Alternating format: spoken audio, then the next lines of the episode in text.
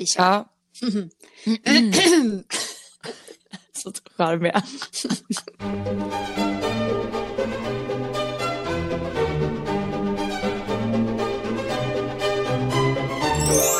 Hej och välkomna till Kungligt. Med Jenny Alexandersson.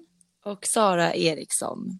Hur har du det i novemberdimman, håller jag på att säga? Det är ganska grått ute. Det är jättegrått, men just idag var det faktiskt också väldigt skönt. Det är sånt där mjukt duggregn som ligger i luften och ja, men ganska varmt. Vi kommer mm. kanske vänja oss vid, vid varmare vintrar och höstrar, höstrar, höstar, höstrar. framöver. eh, jag tycker det är, det är på gott och ont liksom. Just idag var det skönt med lite fuktig värme liksom. Mm. Ja, men det, det är bra. Man får Hur mår se, du? Jag mår bra, tack. Det är lite, man får en sån face mist eh, ofrivilligt i ansiktet så att man går ut. Så att, eh, ja, men det är bara att hålla humöret uppe trots att det är lite gråa dagar. Idag blir man ju glad när vi får spela in Kungligt.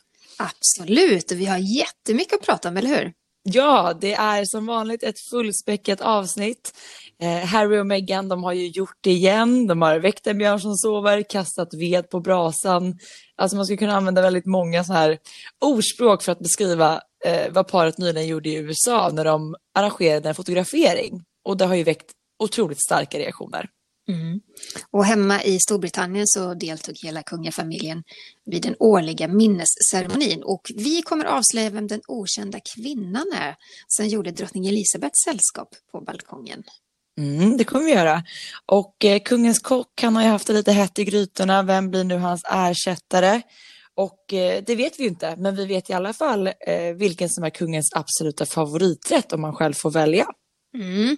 Och äntligen har The Crown premiär och vi har fått tjuvkika på den nya säsongen och ska även svara på en hel drös med lyssnarfrågor.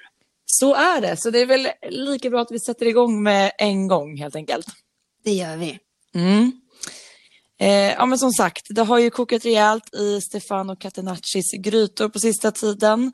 För två veckor sedan så publicerade tidningen Dagens ETC ett reportage där flera olika kvinnor då gick ut och anklagade Stefano Catenacci för sexuella trakasserier. Och eh, vem är Stefano Catenacci och vad jo. har han liksom med kungafamiljen att göra?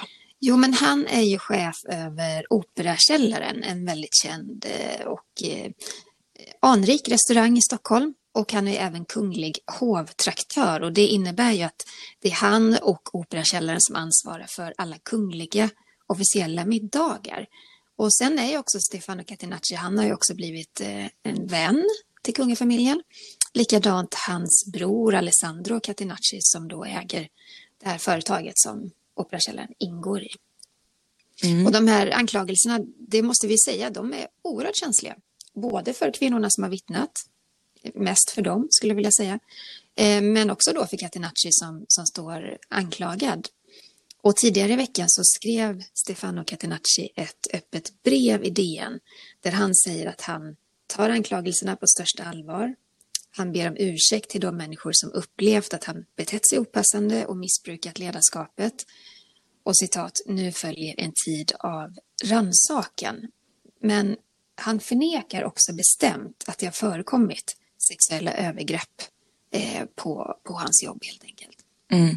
Och där ska man också tillägga att det är ju ännu ingenting, han är inte dömd för något eh, eller sådär, utan det här är det som vi vet just nu från mm. båda håll. Eh, men vad in, det här med att vara hovtraktör, man lä, har ju läst mycket då i media senaste veckorna där det står då rubrik Kungens kock. Eh, han utsågs ju till hovtraktör i mars 2012 och det här är ju en hederstitel som kungen själv delar ut. Och eh, det är också ett erkännande för att man besitter en väldigt en stor skicklighet inom matlagningskonsten. Eh, så att eh, det här har ju varit ett väldigt stort uppdrag såklart. Och jag menar att han då har varit ansvarig för maten vid ja, men representationsmiddagar, galabanketter och ja, men andra större middagar där kungen står värd helt enkelt. Mm. Och eh, Catenacci har meddelat att han nu lämnar Operakällaren och rollen som hovtraktör. Och eh, vi kommer ju fortsätta följa det här.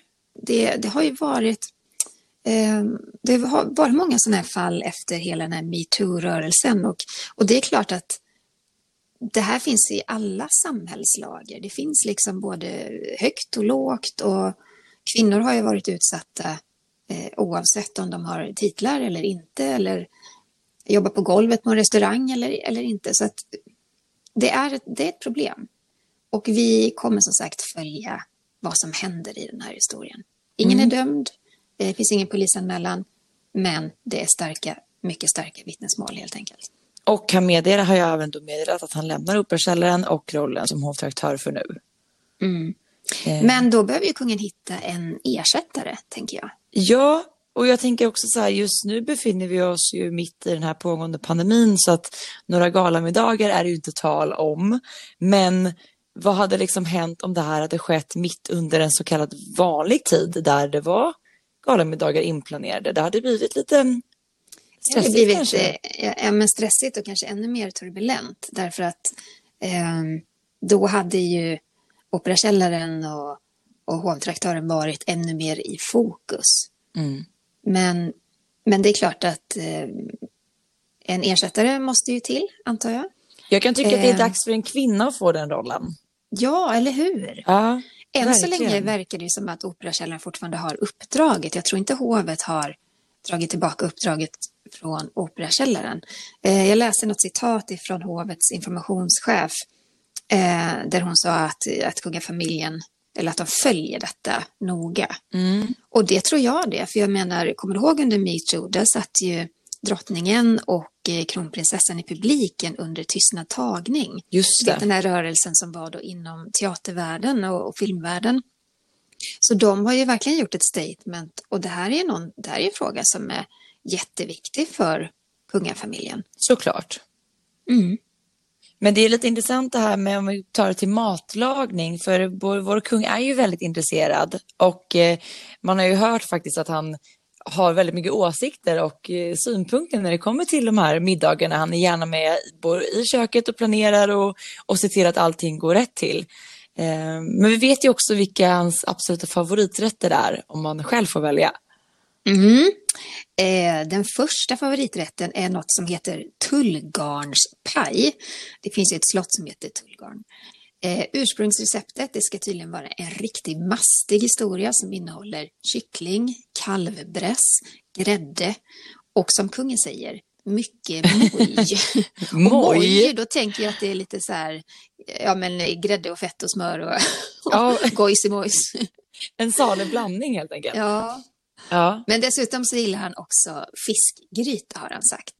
Och Sara, som du sa, han står gärna i köket själv och söndagsmiddagarna eh, vill han ju gärna fixa själv ute på Drottningholm. Ja. Och en av hans paradrätter då är faktiskt en soufflé som är gjord med Kalles kaviar.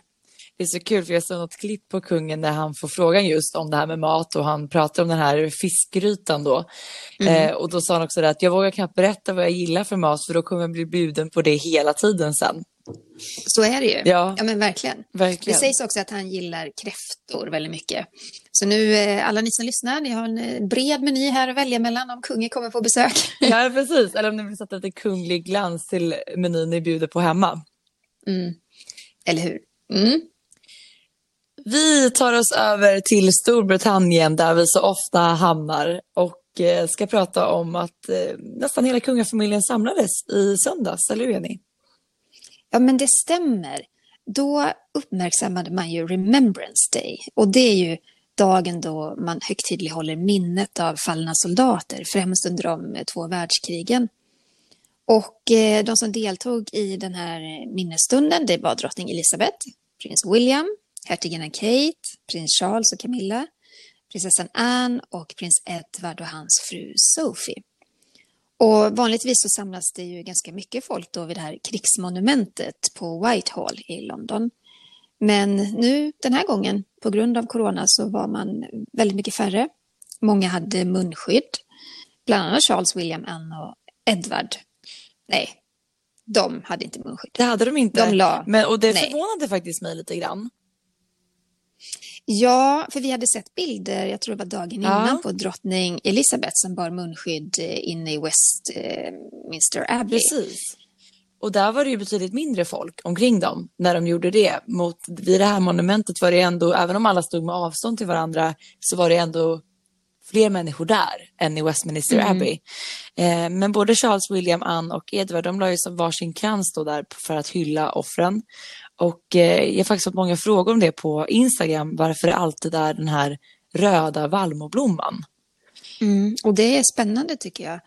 Det är verkligen en symbol för minnet av stupade i krig. För det var så här att de här stora slagfälten under världskrigen, då blev marken så himla förstörd efter alla de här slagen. Så det enda som kunde gro och växa där, det var den här röda vallmon. Mm. Så den har blivit en symbol liksom för hopp om en fredlig framtid. Och den är, det, som sagt, de bär dem ju ibland på kragen som en liten blomma där eller i form av en krans till exempel. Så att det är en väldigt stark symbol som, som vi ofta ser på de brittiska kungligheterna. Mm. Och eh, Catherine, Camilla och drottning Elizabeth, de stod ju inte nere på marken utan de stod ute på eh, utrikesministeriets balkong och där också utspridda. De stod inte ihop. Eh, mm. Men eh, drottning Elizabeth stod inte själv, men med avstånd till en annan kvinna som det var många som undrade, vem är hon? För hon är ju inte en del av kungafamiljen, Nej, absolut inte. Och det var väl därför frågorna haglade in. Eh, Susan Todes är ju drottningens hovdam och hon har ju varit vid drottningens sida även under koron coronaisoleringen på Windsor. Så att de har ju verkligen isolerat sig ihop ända sedan i våras och därför så är det den personen som drottningen ändå vågar umgås tätt tillsammans med. Så mm. att drottningen stod helt enkelt med, eh, med Susanne Rhodes heter hon, vad säger jag, Todes? Rhodes heter hon. Ja, Rhodes, ja. Eh, så att de stod där tillsammans och eh, Camilla och Kate stod på den andra balkongen eh, också med avstånd till varandra. Ja, och eh, Susan Rhodes hon har ju varit drottningens närmaste hovdam sedan 2017 tillsammans med en annan kvinna som heter Lady Elizabeth Lemming. Och de här två kvinnornas uppgift det är ju liksom att hjälpa drottningen i hennes eh, officiella uppgifter. Och eh, Susan, Susan är gift med Simon Rhodes som är son då till Margaret Rhodes. Häng med här nu. Och Margaret Rhodes hon var fram till 2002 drottningens hovdam. Men hon dog 2016 och då var hon 91 år gammal. Och hon var faktiskt både kusin och en väldigt god vän till drottning Elizabeth som stod henne väldigt nära. Hon var ju även en av drottning Elizabeths åtta brudtärnor vid bröllopet med prins Philip 1947. Så att de ja. har ju alltid hängt ihop kan man ju säga. Ja, ja. och om man liksom kikar tillbaka i historien på vad dessa kvinnor, hovdamer då var för några typer så var de ju ofta adliga. Men idag ser det ju inte riktigt ut så, eller hur? Nej, utan Susan är ju liksom likt alltså så här, nära vän eller syskon till de damerna som de tjänar. Och det handlar som sagt om att vara drottningens högra hand och exempelvis är de ofta med och samlar in blommor vid evenemang och, och sådär. Så alltid de hack i häl kan man säga. Eh, mm. Om man tittar på de övriga medlemmarna i brittiska kungafamiljen Camilla till exempel, hon har ju en före detta klasskamrat och vän samt sin syster Annabelle anställd hos sig.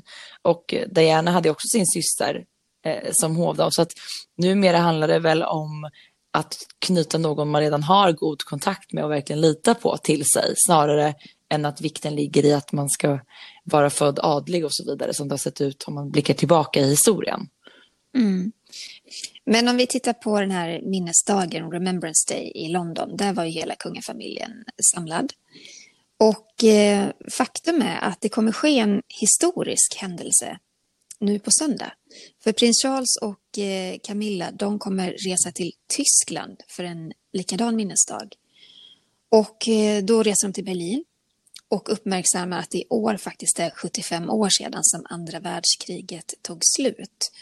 Och det är ju så här att eh, Storbritannien och Tyskland stod ju på varsin sida av kriget och det, har det har ju varit av och till frostigt där i början kan man ju säga. Mm, mm. Eh, men Charles och Camilla, de kommer alltså att symbolisera Storbritannien och kungafamiljen vid den här minnesdagen och lägga ner en krans vid minnesplatsen Neue Wache.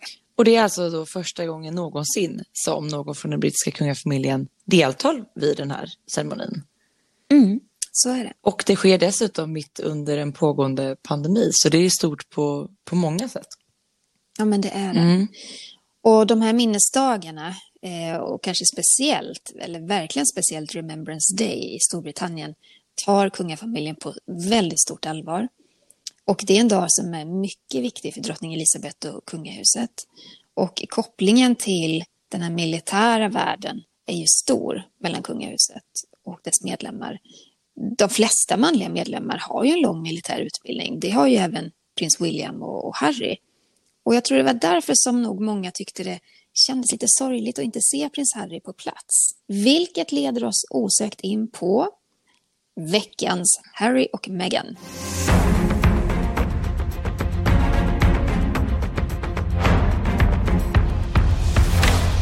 Ja, precis. För Harry och Meghan var ju inte på plats i London eftersom att de fortsatt befinner sig i Los Angeles.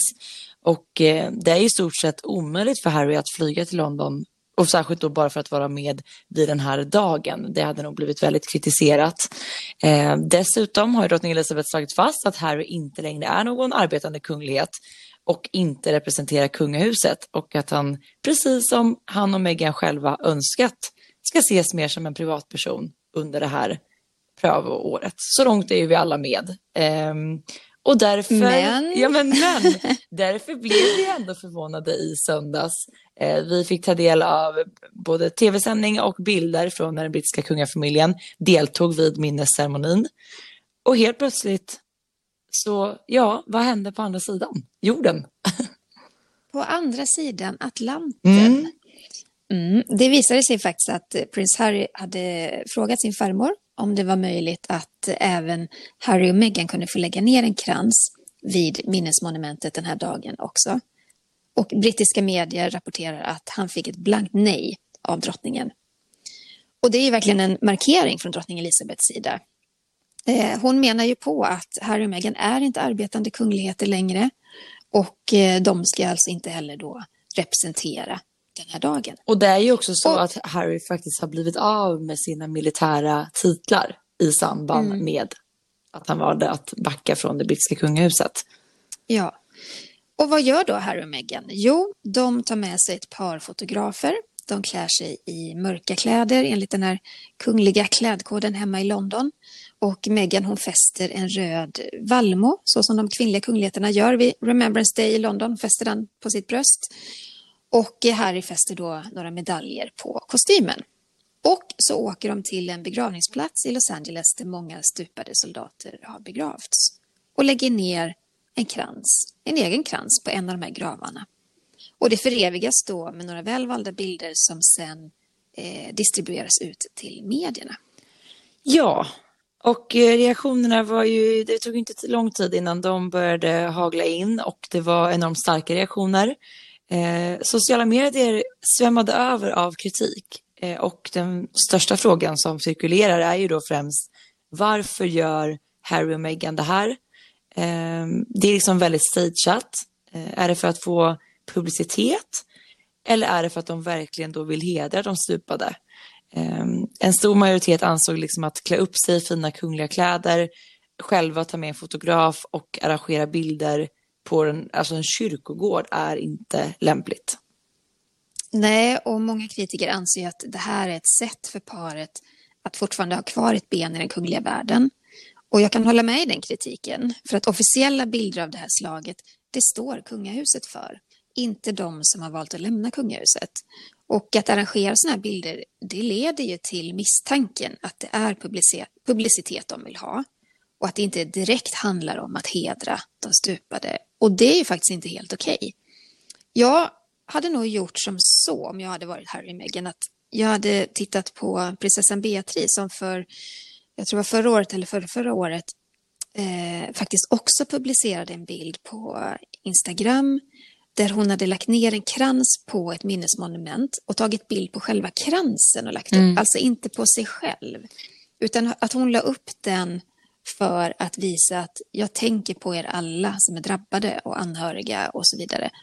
Inte att själv stå och vara tjusig på en kyrkogård utan lite mer nedtonat. Ja, Ja, för precis som du säger så den här typen av officiella bilder, det är ju någonting som kungahuset själva står för. Och det är också väldigt tydligt om man går in på kung, alltså den brittiska kungafamiljens Instagramkonto. Där har de själva publicerat faktiskt väldigt många bilder från den här dagen. Eh, men det Harry och Meghan gör, det är lite som vi har pratat om hur kungligheter överlag använder sociala medier för att kunna reglera bilden av sig själva. Eh, mm. Att så här, nu, nu beslutar vi oss att göra det här för att det ska se ut så här utåt och liksom på något sätt försöka kanske mätta spekulationer. Men i det här fallet blev det ju bara värre för att den här typen av tillfälle var ju allt annat än rätt. Att göra någon form av reklam för sig ja. själva. Och sen får det, det är någon slags eh, dubbelstandard här. Jag menar, det här paret har valt att lämna eh, det kungliga livet därför att de vill leva mer anonymt, de vill ha eh, en egen försörjning och så vidare. Då ska man kanske inte agera som en kunglighet. Alltså det är så dubbla signaler hela tiden. Och där har man ju också kunnat ta del av väldigt mycket kritik just kring eh, de andra kungligheterna. Vid de här tillfällena så är det ju väldigt, eh, vad ska man säga, neutralt allting. Det är neutrala kläder, det är neutralt smink, det är neutralt hår. Fokus ligger ju inte på kungligheterna själva utan det ligger ju på eh, symboliken och liksom eh, empatin i den här stunden snarare än hur de ser ut. Och här tyckte man väl mm. kanske då också att Meghan hade lite mer av ett modestatement i fotograferingen, mm. vilket också blir väldigt tokigt. Ja, jag, jag håller med. Vet du vad, vi stannar kvar ett tag hos Harry Det är klart att vi gör det. Det är ett väldigt intressant par. eh, Meghan var med i en intervju med eh, Fortune där hon pratade om både sin mammaroll och om sociala medier och vi lyssnar lite på hur det lät. You know, I have, for my own self preservation, I have not been on social media for a very long time. I'd had a personal account years ago, which I closed down. And then we had one through the institution in our office that was in the UK. Separate from but that wasn't you know that wasn't managed by us that was a whole team and so i think that that comes with the territory for the job that you have i've made a personal choice to not have any account so i don't know what's out there and in many ways that's helpful for me i i have a lot of concerns for people that have become obsessed with it. And it is so much a part of our daily culture for so many people that it's an addiction. Ja, Meghan hon pratar ju om sina sociala medievanor i den här intervjun. Och hon säger att hon hade ett konto för många år sedan som hon valde att ta bort och det känner vi ju igen. Det togs ju bort när hon började dejta Harry. Och eh, hon berättar att hon hade ett gemensamt konto med Harry när hon var, de, var en del av The Institution, mm. alltså institutionen som hon kallar kungahuset. Eh, och då var det ett helt team som hade hand om det kontot och det var inte Meghan själv, berättar hon. Och så avslutar hon med att säga att hon är inte på sociala medier längre. Hon vet inte vad som händer där ute. Det här har hon, exakt det här har hon sagt tidigare i andra sammanhang och andra intervjuer. Eh, och vi vet ju vad, vad vi tänker om det här, eller hur Jenny? Ja, men jag tror ju inte ett ögonblick på, på det här. Självklart följer hon det som skrivs om henne. Hon har ju så många gånger pratat om hatet på nätet och hur hon blir omskriven. Och så har hon dessutom stämt flera tidningar det sista året som har skrivit om henne. Så nej, Meghan, det är klart du har koll på det som skrivs. Ja, och liksom det jag tyckte var tydligt i den här intervjun, både när man hör den och ser den, det är ju att vi kan konstatera att det är en tuffare hertiginna vi ser. Hon behöver ju absolut inte längre ta hänsyn till kungahuset på samma sätt som tidigare. Hon kan vara mer framåt, hon säger mer rakt ut vad hon tycker och tänker. Eh, och ja, men så länge hon inte stöter sig med kungafamiljen och säger något som inte går stick i stäv med vad de står för så får hon ju egentligen uttrycka sig hur hon vill. Och där har hon väl också varit mm. liksom gränsfall och till och med gått över den gränsen i samband med sitt politiska engagemang och så vidare. Men jag tycker absolut att det är en tuffare person. Ja, hon har en helt annan framtoning nu. Eh, det håller jag med dig om. Och en annan attityd. Alltså eh, den är liksom hård. Ja, ja den är ja. lite hårdare. Det kanske nu hon liksom också vågar visa eh, mer sitt rätta mm. jag. Eller inte sitt rätta jag, men liksom mer av sin, av sin personlighet. Och då menar inte jag att, att jag tror att Meghan är en hårdare människa, utan mer att hon känner sig mer trygg i att kunna stå upp för det hon tycker och Ja, tänker. och det är väl det som kanske inte har passat henne heller i den kungliga världen. Just för att, jag menar, hennes karriär innan, innan det kungliga livet, hon har liksom verkligen, ja men alltid fått vara den hon är och helt plötsligt bli liksom den här kungliga ramen som är ganska konservativ och stiff och, ja men, man ska rätta sig lite mer i, i ledet så att säga. Och nu ser vi den hon faktiskt önskar att vara och den hon är. Sara, på tal om brittiska kungahuset. Ja. Nu har det ju kommit eh, närmare närmare en premiär. Ja men hörni, äntligen är väntan över.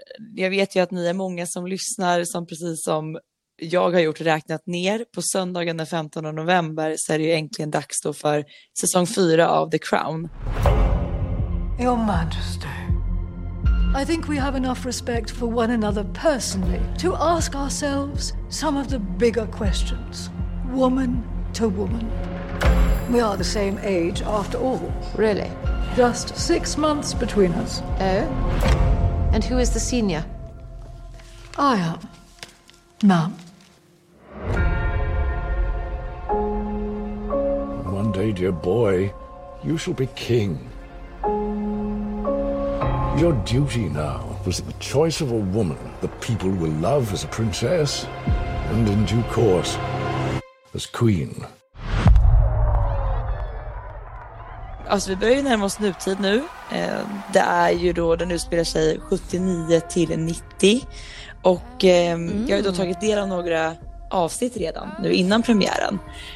Och eh, man har varit lite orolig för att jag tyckte ju, eller har tyckt hela tiden att första säsongen var allra bäst. Jag gillade absolut inte säsong tre, men frågan är nu om inte säsong fyra slår alla de här.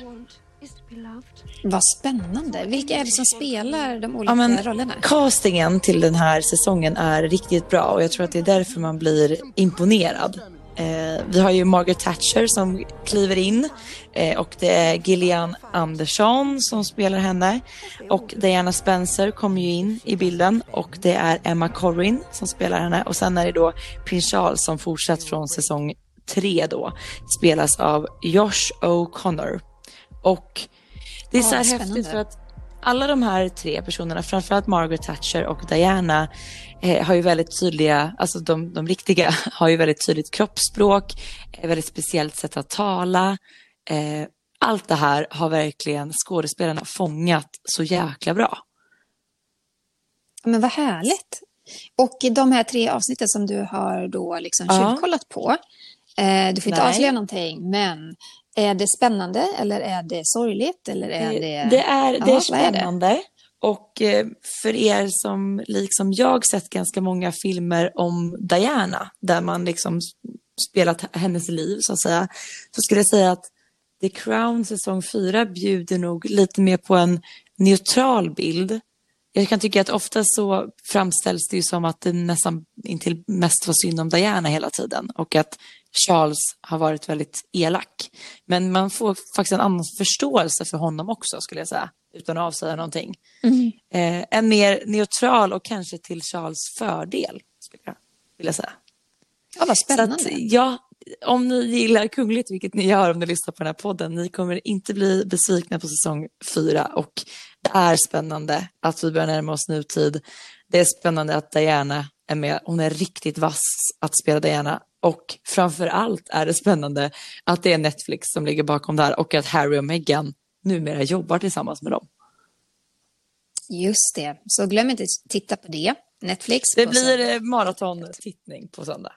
Ja, Ja, vi går in på lite lyssnarfrågor. Ni får jättegärna skicka in fler frågor till oss på eh, kungligt aftonbladet.se. Ja. Och här är en fråga ifrån Sara. Hon skriver så här. Eh, än så länge har det väl inte vad jag vet varit någon kunglighet som varit öppet homosexuell. Skulle det vara någon kunglighet, skulle det kunna vara möjligt med en kunglighet som är öppet homosexuell? Och blir det då problem för en tronarvinge att vara det? Tack för en bra Ja, podd. tack själv Sara. Och det som, om vi börjar den änden, att det då skulle vara ett problem för en tronarvinge att vara det, så är det i sådana fall problemet i en arvsmonarki, att det krävs att en tronarvinge föds. Ehm, I övrigt så är det ju såklart mycket mer accepterande att vara homosexuell i en kunglig position idag mot när man blickar tillbaka i tiden. Eh, till exempel Gustav V blåste det en hel del kring om och på den tiden var det dessutom olagligt. Eh, och visst finns det en prins, eh, Jenny, som är öppet homosexuell? Ja, eh, det gör det. Det är en indisk prins. Han heter Manvendra Singh Gohil och han är öppet homosexuell för han har faktiskt också slagit upp dörrarna till sitt palats i delstaten Gujarat för hbtq-människor.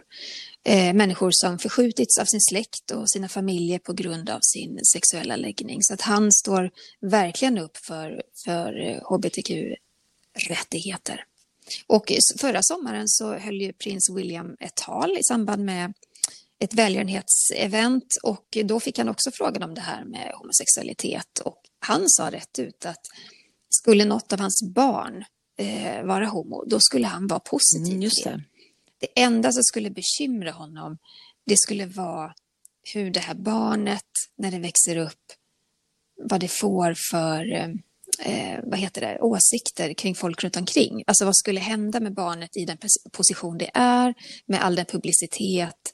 Eh, och det gör honom bekymrad. Han vill ju såklart inte att barnet ska må dåligt. Eller känna sig beundrad på grund på av sätt. just sin, sin eh, kungliga status. Mm. Att det ska liksom behöva hindra ja, barnet från att bli kära i vem de vill.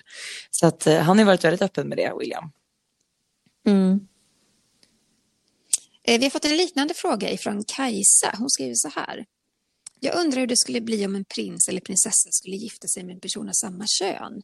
Om till exempel Carl Philip skulle gifta sig med en man istället för prinsessa Sofia, skulle den personen då också få titeln prins? Eller om en kung eller drottning gjort samma sak, om Victoria gift sig med en kvinna, skulle den kvinnan blivit prinsessa? Det är en väldigt intressant fråga. Men det är också mm. en situation vi aldrig har som har uppstått och därför är det väldigt svårt att besvara den. Ja, och om man tittar på successionsordningen så där, alltså successionsordningen är ju en gammal lag, den har modifierats då och då, men alltså i dess grund så handlar det ju alltså, handlar det om att en man och kvinna gifter sig med, med varandra. Men teoretiskt, om successionsordningen skulle tillåta samkönade äktenskap, om vi då talar om titlar, så borde Victorias då eventuella kvinnliga partner få titeln prinsessa om det då ska bli rättvist med titlarna så att säga. Men kungliga titlar är ju någonting som, eh, som kungen just nu bestämmer över och sen kronprinsessan när hon blir drottning. Precis. Bra frågor. Ja, mm. Vi har fått en fråga här från Jenny. Hon skriver så här. Hej, tack för en bra och informativ sida. Finns det regler kring vilken axel kungligheter har sina ordensband? Jag har funderat ett tag och letat bildbevis men aldrig lyckats komma på en logisk förklaring kring hur kungligheter har sina ordensband. Svenska kungafamiljen har nästan alltid Serafimerorden och andra band också för den delen på höger axel. Men jag har sett något enstaka foto på när drottningen har det över vänster axel. Samma sak i brittiska kungafamiljen. Drottning Elizabeth har den ibland på höger och ibland på vänster och är inte konsekvent med de röda eller blå på en specifik axel. Jag tänker att det inte borde vara lämnat åt vilken axel jag är sugen på idag utan det känns mer som att det finns mer symbolik i sådant. Tack, Mvh Jenny. Ja, mm. jättebra fråga. Eh, och med ett enkelt svar. Det här handlar ju såklart om hur ordnarnas regelverk är skrivna. Eh, Svenska kungahuset bär ju Serafimerorden med bandet på höger axel. Och i Danmark till exempel, då bär de Dannebrogorden på mm. vänster. Eh, så att det handlar om regelverket för respektive mm. orden. Och ofta så bär kungligheterna eh, statsordnar, exempelvis i samband med ett statsbesök och då är det den statens regelverk som gäller. Och då kan ju ordensbandet hamna på höger eller vänster sida beroende på vad reglerna säger. Och det är kanske från ett sådant tillfälle som, som Jenny som skrev frågan eh, sett drottning Silvia bära ett ordensband på, på vänster. Precis. Oj, här är en väldigt lång fråga. Många vi... frågor. Ja, men här är en jättelång fråga. Yes. Vi delar upp den lite grann. Det är to Thomas frågar så här. Hej, jag har flera frågor. Nummer ett. Sofias och Carl Philips och Madeleine och Kristoffers barn har fått Serafimerorden. Kommer de få behålla den när de inte längre är medlemmar av kungahuset? Ja, eh, barnen behåller ordarna som de tilldelades vid sina dop och de utgör ju fortfarande en del av kungafamiljen men inte det kungliga huset. Så att ordnarna blir de ju inte av med. Då tar vi fråga Nej. två här då. Vi får liksom ta dem i etapper tror jag. Vad Ja. gör kung Philips systrar idag? Man hör inte så mycket om dem. Nej, eh, prinsessan Kristina har ju lämnat en väldigt eh, turbulent tid bakom sig. Hennes man Inyaki eh, Undangarin, han avtjänar ett sex år långt fängelsestraff för en bedrägerihärva. Och Vi har ju pratat mycket om det där. Eh, hans eh, välgörenhetsorganisation gömde undan ganska många miljoner. Kristina var ju också inblandad i själva rättegången men, men friades. Men jag tror hon fick böta eh, på något sätt. Hur som helst, eh, just nu var Kristina och hennes fyra barn befinner sig, det är lite oklart. Eh, de syns inte officiellt längre. De är ju inte arbetande kungligheter längre efter den här skandalen. Det ryktas om att de kan ha flyttat till USA. Och eh, kung eh, Filippes andra syster, Elena, hon skilde sig faktiskt från sin man 2009. Hon är medlem av kungahuset. Eh, hon har väl lite grann en roll som senior royal. Så hon har en del uppdrag som hon faktiskt genomför. Så, så är det med dem. Så med dem. Fråga nummer tre från Thomas. Om Ryssland skulle bli tsardöme igen, vem blir tsar då? Det är väldigt svårt eh, att veta såklart. Eh, men tsarsläkten eh, Romanov finns ju kvar.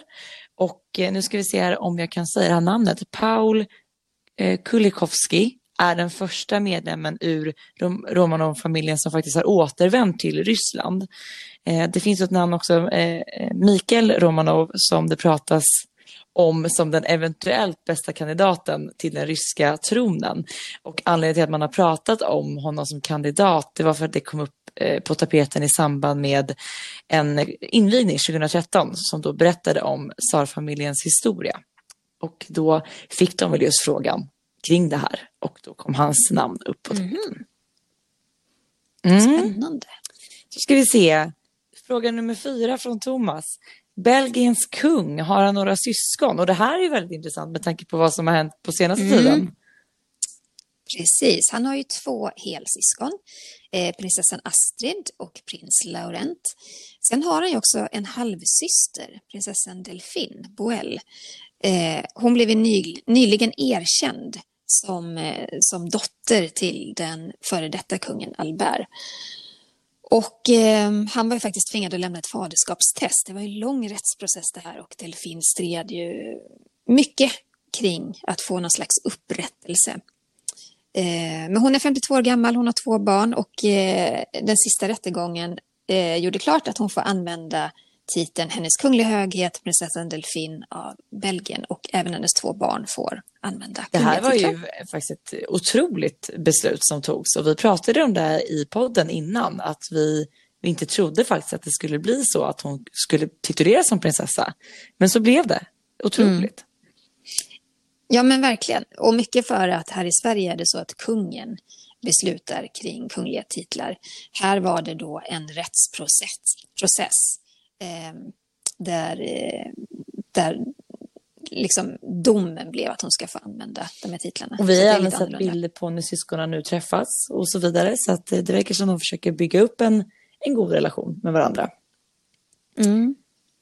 Emma undrar, i förra veckans avsnitt pratade ni om att drottning Silvias brorsbarn bor på Drottningholm. Stämmer det? Jag gör det Jenny? Jag vet inte.